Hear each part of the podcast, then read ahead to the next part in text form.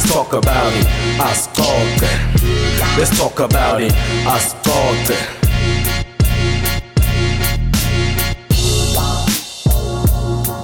Siku-episode 23 iyasixoxe naprince vilakazi. Uma kwi-episode yakho yokucala pressa follow la ku-soundcloud uthola onke lama-episode sukela ku-episode 1 utofika kule episode yanamuhla. Sinelipage ku-facebook ngilazi veta tonke letinto ezivame ukukhuluma ngato khona la hlelweni so nalo libhalwe asixoxe naprince vilakazi.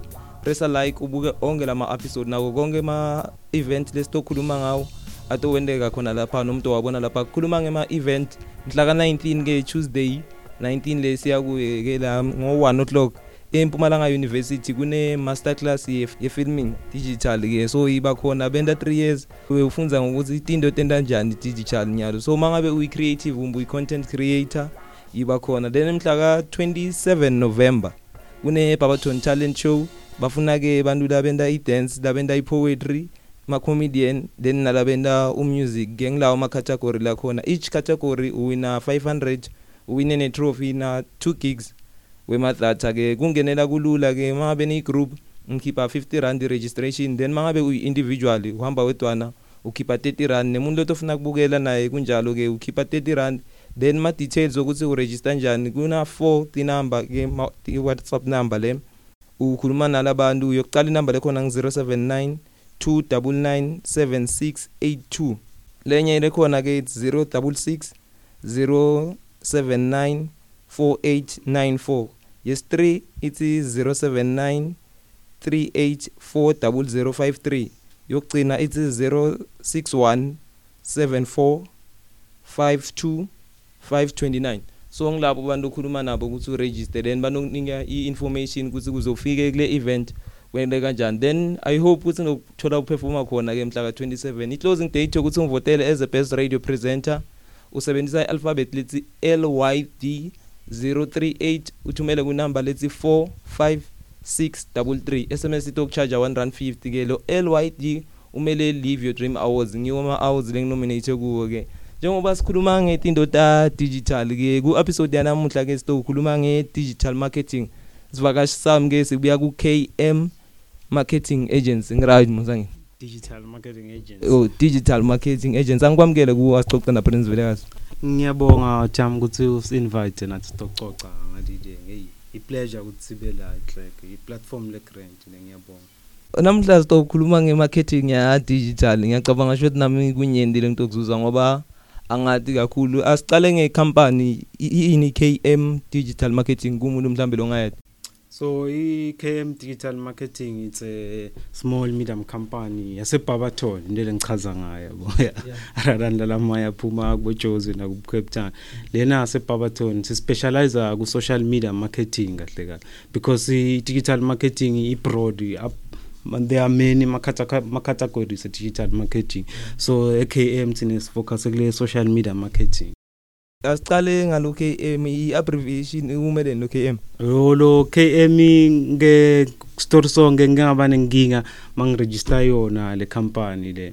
Ecibe ngifake ngakhuzwayo marketing yabo. So bekamaningi magama ekhuzwayo marketing yang attende i-workshop yema entrepreneur so bebakhuluma ngaloko ukuthi ma uregister uletha 3 magama beyakhulumela letinto so ukwabona siya singathi nethi ngale excitement ukuthi singiregister ngoba ngiloko so lela phasa ngilo KM which is the abbreviation lokhuzwayo marketing kahle ya. Mhm. So bu submit ngakubu submit vele 3 magama njengoba basho? Yeah kuphasa lo KM at least ke company ibuye yabakhona ke even nalento lebibakhuluma ngayo.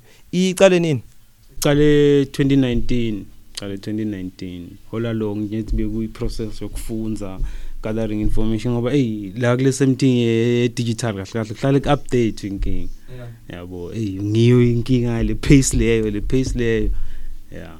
Yini lokwento mhlambe kusufuna kuchoose kuyosebenza kuyosebenza ku digital marketing? Une experience from my background ukuthi ke wasebenza ku company let's no ngine experience ku marketing kahle. Kahle yeah ku marketing because ngeke ngasebenza ne telecom whereby siya direct marketing direct marketing. yeah ndile one on one yeah yeah yeah yeah. So lapho nakhona net bengofuna iexperience ukuthi ngathi ukuthi client ikhulunywa kanjani did close kanjani yeah so i background yami vele biya ku marketing traditional mara yabo Yeah, yeah. so maye ngithi mangibuka le traditional slowly ya fade yeah yeah nyalo njengoba izinto Yabo. zitshintshile Yeah. during ne covid Mhm, yabo nginayo ke post covid vele ngila ngirealize khona ukuthi, hey le yami sey upsay obsolete vele ngeyisalunga kumele ngene ngala digital marketing sambe nethi khona so niqale nge direct marketing before Yeah, yeah, ngoba nyalo yeah, nizi yeah. ntila nge social media. Mm. ntila nge social media kuphela yeah ngidila nge social media kuphela kumuntu mhlambe longayadi i digital marketing maybe angakhona nokuncenzeka ukuthi okay maybe yalidzinga leli sito leni. Yini i digital marketing mhlambe kuyi explain Oh, digital marketing it's the use of the social media networks to market your brand, service and your product also. Yeah, but but eh, ngithanda kusebenzisa le brand. Yeah. Uh, To market i brand i- usebenzisa wona lama social media platforms lawo.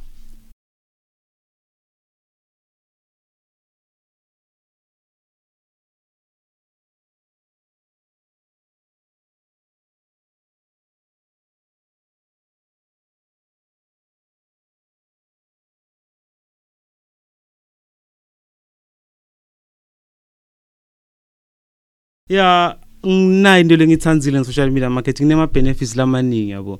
So unlike i- njengoba ubekisa ku radio you you you- you can analyze the data. Kuthi lo lengikwatiyo nje just kuthi ma- bani lebe bavulele stage bayingakhi. Ng- ngile i-data lot khona kuyithola Kuyithola, uthi oh, i-PCR ilalelwa ma- ma listeners la ingakhi at a certain time so but ku social media uyatakhela wena i-data yabo uphindze uyi-analyze njengokuthi uma client asebenzisa i-desktop kumbe i-mobile mm, bahlala kuphi ba interested tuka njengayi Facebook ngiyithanda plan ngoba ngiyo le yathi bantu kudlula nami personal yeah Yeah, yeah. Ngoba inokukhomba letikeli ukuthi okay Mhm. majority yabantu Yeah. laba lona laba Yeah. like page lakho bagcwele la. So now uyazi ukuthi uma utargeta utargeta. Yeah unlike yona traditional marketing lokuthi utargeta wonke umuntu. Yabo longeka athenge nayo ke nale disadvantage leyo. Manje ngala kune advantage through yona ngibale yini Facebook advertising i-LinkedIn advertising ne-Google advertising. Ngiwo ma something longawa targeta lawo akulethele ama results to ke business. So kuwe ngwapi lo wasebenzisa because so uqalile usebenzise i iFacebook ne ne LinkedIn ne Google ngwapi lo wasebenzisa o ngiyafika ngitkhethele ezi package mina kuze ngi client ngifuna kusebenzisa lapha because kunebantu abasebenzisa iInstagram iyabahambela kahle. Kunebantu abasebenzisa iTwitter wena ngwapi lo wasebenzisa kumbe kufuna khethe lo muntu yo ka ka ka KM angithanda ukukhethela umuntu ngithanda kubuta umuntu i-business goal yakhe yabo. Because ku for mina personally ku useless ukuthi ngikutshele ukuthi ngizokwendela i-account ku Twitter whereas i-market segment yakho. Ithi bani labangena ku Twitter abange abangenelani market segment yakho? So sicale sibuke lo ukuthi i-segment demographics yakho nitarget bani labanjani yabo ufuna ini? Ikhampani ukuthi izuze ini le social media leyo? Ngikhani sesiyakhetha ukuthi ho ngoba ubekisa ukuthi ufuna kuzuza lokhu nalokhu? iFacebook i right for lokho ngoba ama client la so so so so atholakala ngesikhathi leso so so so so. Nendani exactly ni rana i-social media yami or ngicreatela lama advert no ngifundisa le business kuze ngifuna ngirane njani? Because mangirana personal ngafaka netinto tam personal because i-personal account yami but ne business yami personal futhi angini so ngakuhlanganisa kubabili ningendelani ne KM kuyadependa ukuthi ibudget kahle kahle sho njalo ukuthi siyakwendela konke ukuthi wena ufocus kwe business yakho. Sikwendele ama posts sikupostele whereas njengoba abantu bakhala ngile mali lapho lekhuphuka yabo. Mara mayiba incane wena uyasendela i-content thina nethi sikwele sikafulele duke kuposta nekwenda lama advert ngoba nawo lama advert i-Facebook iyacharge yabo i-budget nakhona. Lawo utibhadarela wena. Mina kimi KM ngenda i-Facebook ads i-LinkedIn ads na i-Google ads. Mhm. Then ngibabi bantu le ufuna lenisebenzisana nabo because okay ngiwabonile la ama company la la i2 i ngile fruit juice sitofika kuwe then ngibone nena ngathi ne Blackman advert advert yakhona. I think kunalenye company lenye leninyendile ngiseyangilahlekela ngwapi lama company le ntila ngawo ntila ngani exactly? Ntila ngema influencers ntila ngebantu bemculo ntila ngani? Ngibabi labantu uh for, for ngoba sisenga scale besenga choose ukuthi sifuna kudiya nabo bani ngoba siyibuka ezifu siyancetha yabo? Yeah. Uma sincetha umuntu nguye umuntu okhona kusirecommenda ku next one athi kuseyincetha ngibani bani? So so so so so. Lapho siyakhona ukuthola le data lengikhuluma ngayo yabo? Ukuthi sesiyathi ukuthi oh bantu labafuna le service kakhulu le ngilapha sesitarget abo asikhulume ngalo dokotela nangu so uyabuya. Then lo doctor nimthola and yini lebenim advertisela yona. Lana bengizama ukukhomba nabo doctor ka KM yabo ukuthi kahle kahle lekhathi ngicala bengitargethe bona nema attorneys yabo ma advocate because ngibo banilele ngathi ngiyabuka kahle uma ngichecka state. Ngibo bantu labangasitholi isikhathi sekuba ne social media vele kahle kahle. Okay. Yeah and uh, i Facebook advertising beyikahle for bo ikahle nanyali ikahle for bona. Beside kubuka i business goal yakhe ngoba bonke bafuna ama client vele. Yeah. So akakhoni kuphinze abe ngala emsebenzini eh yabo ngoba kumele aphinza post nalo creator le content yabo. Yabo saje create content phela na ukuthatha isikhathi. Then le juice yaku le yeah yala babaton le juice le juice the papin yeah fruity yemi mm. nejuice lapha bathweni fruity yemi mama poster khona ngoba labanye abafana banikwa keeper lamandiyeni badlale ngawo labafana mara sabafaka nanyayo lamanye ngiyawabona mina ngala yabo ya yalapha bathona umfana uhlala 6 siyabonga ngozo. Nanyalo usawuphumile nje usayijozi usawuhustlela yona le brand yakhe le. Ngithi akulunga uthi amakulunga akulunga ase yini lebe afuna mhlambe nimncede ngayo? Ngilama advertising ya ngoba naye ngilenkingaleyo yabo. Akakhoni lesikhathi sokuthi ibusiness ngala sekumele abuya post which is ukhona kukwenda on a personal note. Mase kungena la ngala kule business akasabi naso lesikhathi ngisaba ema meeting njenganyalo njengoba ngisho akekho i travel usejos yabo so ngila singena khona ke thina create le content phinde sipost ngitiphi into lekufuna mangita kuwe ngibe nato ukuthi okay ngifuna ukuthi ngiadvertisela mhlambe i company yami o okay asethi anginatlu ukuthi ngifuna kwenta i social media marketing. Then mangifika kuwe uthini kimi? Uma ufika before anything njengoba ngisho sibuta ukuthi yini igoal yebusiness yabo ya. Ngoba ahluka sofa ngisebenza nebantu. Kunebantu labafuna nethi brand awareness. Kuphela kwenda iawareness ukuthi ibrand ya exista kunebantu labafuna ama customer ku website ukuthi kube ne traffic ku website kuphela. Kunebantu labafuna ukuthi ama customer ete e store yabo so that is why ngithanda kubuta i business manager kombe oh i business owner ukuthi yini goal yale business? U aim ini yena? Ukuthi uma ngifuna ngifuna kusebenza social media ngifuna kuzuza lokho yeah. Then mangifika ngitanani mina kuwe uta more especially i i target segment yakho ngiyelo tonke leto sitshela eKM ukuthi kumele sende njani. Yabo njengoba ngisho stoward ukuthi ngiphi social account le social media account lekumele ube le business yakho ibe nayo. And ngwaphi ama advert lekumele uwadlala ngoba lenye into lenginotisile abantu labangayadi bathatha lezi like i-social media yokuposta kuphela whereas uyakhona kudlala ama-advert njengoba bengisasho utargete uyuzele le le data le provider iFacebook ukuthi utargete labantu lelo watiyo ukuthi batoyithenga into leso ngoba iFacebook ngiyo le yatiyo ukuthi zibani uthanza insipho yakabani bani ngoba uyayilike angithi yona assume lokho ukuthi ngoba uyilikile futhi uinterested lento le so mawudlala iadvert leyo which is ngirecommenda yona lama Facebook ads LinkedIn ads ne Google ads yabo ngoba lapho angithi umuntu momtshanga social media marketing expect ukuthi yena athole ama client fast. Yeah. Ngothi umendela imonth. So bukele imonth leyo ukuthi bani bamfonele hey sidinga le service yakho. Nje yabo for lokho ma Facebook advertising ne LinkedIn advertising ne Google advertising sebenta lokho. Without ukuthi sidile ukuthi sikwendela le social media account siyakwendela net lama lama Facebook ads kuphela. Lapho mara wena neduty bhadarela li budget kuphela. Angisafuna ukukhuluma ngayo le package leni offer le khona lapha isilone le social media marketing package. Ngathi per month ithi ngile 3700 if i'm not mistaken. Yeah leyo sifaka konke njengoba ngisho siya create content yabo sikwendela for free kahle content phinde sikufakele ne Google my business. Sikwendele ne ne ne Google advertising i month yokucala yeah. So that is why price ngibekele ngoba the pilot into ngithinika abantu for free. Yabo yeah. After lokho uyathi ukuthi sonayo i- my Google business. So nawe songa songakhona kusifonela ke kuthina ukuthi sikuncede ukuthi uadvertise usebenzise yona le Google. So far since usu- uqale 2019 injani ine social media marketing? Because uranela endlini akufani nalesikhathi uzofuna uye direct direct kubantu. Kuzibonga kubambene covid-19 injani inipushe enjani nakan affect kangako? Amne so far nge enjoy thank to iZoom kahle kahle yabo. Yeah. Thanks to iZoom. Kuzumbe nendambi because izum ngathi ukuthi for ma meeting because yeah. eh, senda lokho.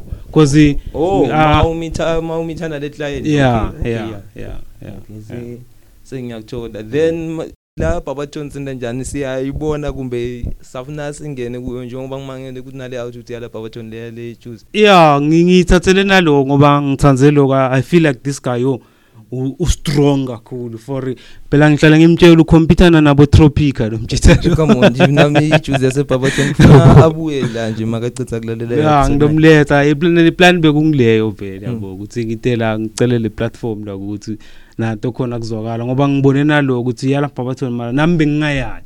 Yeah. while njengoba ngisasho since 2019 so long entayo lento bengingayadi na then ungabi lamanye ama client lobe nawo mhlamba la baba John vele sale sivumbula Ah le le- lengibe naye nguye ngoba into lebengiyibukile uma ngifunda wena i-traditional marketing njengoba bengisasho i-dictator ukuthi ungahamba ufuna ama client yabo yeah ngoba ngibone most into letiningi uyati created yeah yeah. yabo so cause njengoba ngisho ama business onke lebe ngiwastudisha while ngisasemntwana ngicela kubekisa nje njenge pick and pay. Yabo. Umuntu othenge pick and pay une reason wathi ke pick and pay yeah ngiyakuthola. Yeah.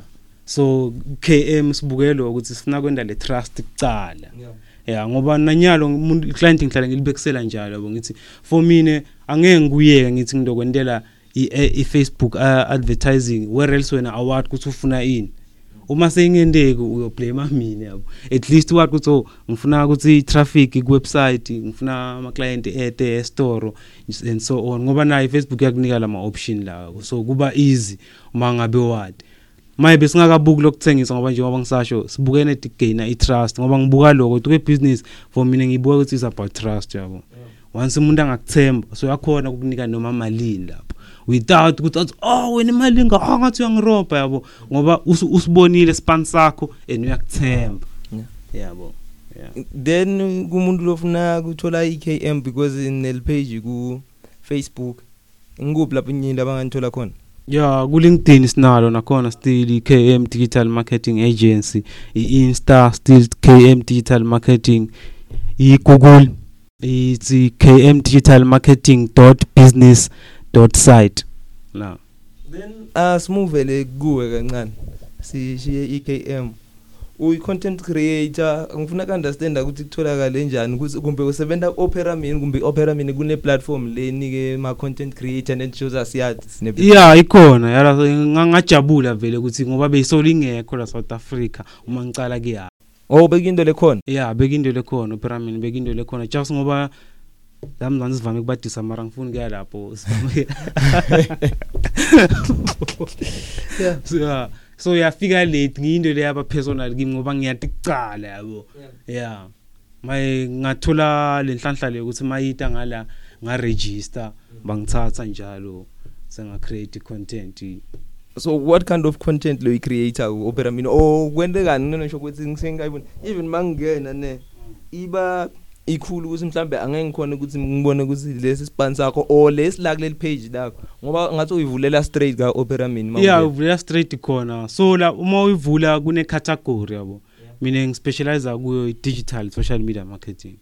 Yeah yeah. Nje wena mawufuna ngisesha kahle ngena uthi Mr digitize your business ngidovela onge ma article le lengwendini Mhm okay uyabona yana sikuyavakala so imali ikhona yini ukuthi mhlambe lo lalele la angahamba yofaka itori takhe lapha ku ku opera mini? Yeah ikhona imali yola lamzansi futhi ngoba nayo ke ngiyabantu sebayithayimanyayo labanye labanye solabayadi yeah ikhona imali. Just ngoba mina bengakabuki lokho nethi bengibuke le experience yabo kwathi ne algorithm yabo ukuthi isebenza kanjani uya advertise lapha kumbe wenda just le leti story lelo choko ngenda le story phela ngadvertise oh advertise. Advertise then what's your benefits? Kunebantu laba sebak approach after ama bafundzele story kumbe kunema royalties le nika yona operamin kuze yeah iro i-opera mini yakucompensata kuthi wena uyidrive i-traffic yabo. The more abantu baviwa story sakho the more na uthola ama-ching-ching. For i-content yakho. Oh, ba- batobuya ke bakubude nangaloku bantu mhlambe bathi ngiza because ngibonile ene nami njengoba usho ukuthi wena uyikhanda ifika nyalo mina ngimangele ukuthi nami wokucala le ngimbonile ke awusingibe honest bengingadi ukuthi i-opera mini kune content le drive wakho sengathi ukuthi yawuthi ihlala lana isebenza tuke opera mini yakucala i-opera mini iyakudzala opera mini yakucala i-opera mini even anginjengo nena- nami ngiyathi na- kudzale eh. ngoba lokuthi nathi le platform ngala South Africa ifike ukuthi nathi singa-creator si-upload ifike enyalo. Yabo ngami ngiyinto lengivi Aposema doubt sileli nayo la isipana ku opera mini ngayiphi indlela? Njani then and uyabona thanks to yona indzaba ye-digital yabo. Akusadingakali ukuthi maybe umuntu aflye kaye ngalokube head office eh eh yonke into yenteka digital then kumuntu lo behind i KM marketing ngibani? Umuntu ngamadi mhlambe sovile ukuthi okay kune KM marketing but ngibani lo rana i KM marketing? Wakuphi? Ey kahle kahle siyi2 yabo kunaleke intombazane eyinengconda isihle kuphela ya maye siyi2 ya ngitsepa nkula na Cypriel Gumede. Ngiwa ama brains la behind yona iKM Mm, so konke mabafuna kun contact baya tuwe lona KM bangazi baye separate. Yeah yeah yonke into KM ngoba ngisho sinayo account ku LinkedIn Facebook Insta ne Google na wangena ku Google ushaye njalo digital KM siyaphuma la Mm, umsebenzi wenu muhle. Ngifuna kuncoma njengoba ukhulumile ukuthi mawuthi ubuilda i-trust. Le ma design le busolo wenda especially kune design le mabanana but ine Yeah. sandla ngizobafakela yona ngifuna kuya Yeah. kule juice ukuthi isonzelana Yeah. njani yeah se kunale design le awuthi la uyende ego betibhakela khona but letibhakela ama My earphone phone. you understand And so eh, kuyasonzelana direct nalelo na ye juice mawuthi wena le brand uyakhona kubuilda umuntu ayitarget kuyafana nale le- nale brand le juice le leniyendile so umuntu le lo lo msebenzi wenu niqale nikukhombise nine nodwana ukuthi nayi lento lesingafike sikwendele yona. Mhlambe mangabe i-brand yakho inje kuthi ama glove akho or ibhakela ama earphone sizokwendela lama earphone mangabe sandla sakho lo 5 ngalo takhona kungibanana sizokwendela lo banana. That's why kubonakele ukuthi okay at least juice. uyabona i think it was last week benginale client nayo kuzoom neda ikangibuthi njengoba at least wena njengoba ngisho uyayibona ukuthi sendani naye ngibekisele njani ukuthi hayi zama ukutshela lo ukuthi yini lesingayenda kulesa le creativity leyo. Yabo while wena usabona ngathi eish i-covid yangicetha njani njani? Yabo ya. Ya umuntu emsebenzi wenu eh, anibuyeni advertisele lapha abathoni njengoba nisho but i think kungaba ngcono vele ukuthi asebenzise nezoom. Hayi ukuthi ngibale wawine ngaphandle but umuntu ofike umkhombe so uyibone umchazela khona kubonana namabhanana nani nani. Wena ungasebenzisa le direct vele not ukuthi uye kubo but marketa kuwe umuntu ukhona kumkhomba le officeini lakho akhona kuyibona lento ngoba akusi sonke le ya isinto na lezo. ngihlale ngihamba nawo vele mangingaphutsha ngoba njengoba ngisho nami ngiya ngiyawenda lama Facebook advertising LinkedIn advertising ne Google advertising. So ma results nami nginayo ukuthi oh mina nayo imali engainvesta kule ma advertising la ngoba bithi ama ads kahle kahle nge social media link ma ads mm. Ukuthi nami angilethela ngakho ma clicks angilethela ngakho ma view yabo ya. Okay ukhulume right wena then lama likes because okay ma view i know ukuthi kutosebenza ngale. Kusebenza njani? Ngifuna kuyibekisa tuke music ngathi tuke ma streams ukuthi okay kune percentage letholwako then kumuntu ku company yakhe une percentage ye like une percentage ye view or the more bantu babona ngide more bantu baba interested yeah injalo algorithm ye social media. Mm, so ne Facebook itokhona ukuthi i- la i associate nalabantu specific. Mm, yabo ngiyo into ngithandzela lokho yabo. Ukuthi ayikisi le unlike traditional marketing yabo. Ikisa straight to ma potential client akho. Ngiyakusebenzisa lokho kusponsor ngoba ngiyasibona basponsorisha ama advert kumbe le creative. Ngiko lo lengushoko nethi kuwe sayivela sayibhale ukuthi sayisponsiwe usilomuntu maka mayibhale njalo le company mawuyithola ibhale ukuthi sponsored wathi ukuthi usuke ende le Facebook advertising. Yeah, ay asibone ama business kuzathi okhula kanjani noma nikhulise impumalanga yonke because vele nya- Eh ngiyo emvelele yasuka behind yona DJ ngiyabonga. ngoba sonke siya digital nyana into letiningi even eh, kunabo ma forms sekaphela so ma forms apply online tonke into tiya online. So uma ningasibamba inyalo kusase early. So sana lethina sana le pandemic yokuthi kufuna siye digital. Mm, sasithi migrate. yeah so mase kufika le mijovo ukuthi okay sekangenile ama company le industry ikhona simane singalahlekelwa ngoba liphutha lelivame kwenteka kunochamuka abantu bangaphandle. Mm. babuye kubanjalo. ngalana and mabasicharger hayi ukuthi le mali lesetulu basicharger ngoba nje ucharger from la kasuka khona ukuthi imali kufuna imikise back ekhaya kubona le transport. But man ofika so even noma nalama company lamakhulu angakhona afike asebenze nani Yeah cause iyabona abengamela ama favorite yami LinkedIn yabo. Ngoba ile reception lengithola njengoba ngisho ngingene lapha ngithi ngizama kwenda i trust yabo. Mara eh seseyiningi le trust lengithola this other time bengikhuluma ne director ye best digital marketing yase UK. Yabo. Ithi incayale lengikwendako. So et nda- mara inasekucaleni bekungiloko yabo ukuthi uma ngilokhona ukuthi umuntu lengikhompyutha naye angirecognize that means ngiyasenda lesibhanga yeah lokunye impela njengoba kusho i-social media akusiyi ukuthi ukhompyutha nemuntu wala lokushini ngilaye bese ihlupha khona ngoba even naletinto simasithi usipana ku-opera. I-opera ayisiyala i-facebook akusiyala i-linkedin ayisiyala kufana nalamakhampani le store wacala personal. Then i-digital i-future suka kubo fourth generation siyamuva then ikhampani yakho uyibuke or niyaphi? ni-KM eh KM ngibuke kahle kahle ikhulu yabo. Just sometimes nginakhona ngiyasaba ukuthi eish uma ito bayikhulu ngaleyo ndlela batogcine bayidethrone abayikhatha njengayalo vile Amazon ikule virtue le yabo. No kunendlela lendirana ngayo le bed yini? Ah ah cause njengoba ngisho mina ibusiness yonke before ngi- ngi- ngingena nala ngaqale nga-analyze lo yabo? Ibusiness ukuze ibe successful kumele uyi-value chain. Ngicaba ukubekisela njengoba ngisasho i-pick and pay ngoba ngiwo amakhampani lengikhule ngiwabuka ngisasemncane ukuthi enda kanjani i-pick and pay icale kuyi-retail angithi but namuhla bendani baneliplaza baphinde baproduce kudla lokubhaliwe ukuthi kumanufacture i-pick and pay.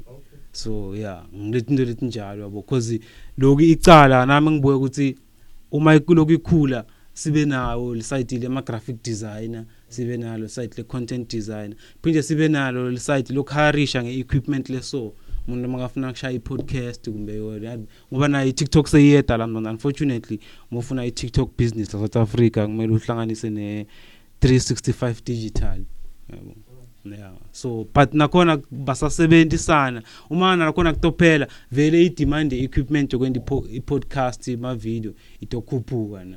Nima challenges lobukene nawo bekuyini? Besides i-covid vele be ivulele ibhizinisi lakho ayika shoza ayikakuchallenge kangaka. Ah i-covid mina kangichallenge ngoba vele nalakhaze ngiyibuka ngayibuka ngayo influence wangiyi-covid yabo ukuthi amabhizinisi ngiyiphi lenye indlela lengayithola ama-client without ukuthi bavule kumbe ama-client aye kubo. Yabo yeah. Cause bo Facebook bakahle iclient uma line experience lekabi liyakhona kuyangale kuma review lisho. Community manager reply fast. Then icala ukuthi uyofaka eboxini kumele certain days ngikhani bakulethela i-feedback ukuthi kwendeke kanjani yabo? But i-challenges lesibe lesibe nayo KM bane aba understand ma benefits ayi social media okanye yona i-social media marketing ukuthi kwendeka kanjani yabo? No man imisebenzi yeni ngisho ngisho ukuthi kufuna lenye ngileyo ukuthi umuntu mawumtshela ngayo so expect ukuthi next month uyobe sekane ngcumbi yama client mina ngisho ukuthi kufuna nisifundise thina sijwayele into zokuhlanya kubo social media. Kune njenga example kune Twitter but create something lekuthiwa i black Twitter Mm, ukuthi vele mm. mawukhumbula kahle ngoba umzala sike saba nento le bathi i toilet yeah ukhumbula toilet yeah. ey So, ey ey ngiko lelesi kwathi vele kuma business sengangeni kangako digital. That's why ngisima ngabe uchamuka ngespan sakho wena ngifike nento enjalo. Maningi ama business le bawathatha nabo labo ma newspaper bathi mabafika.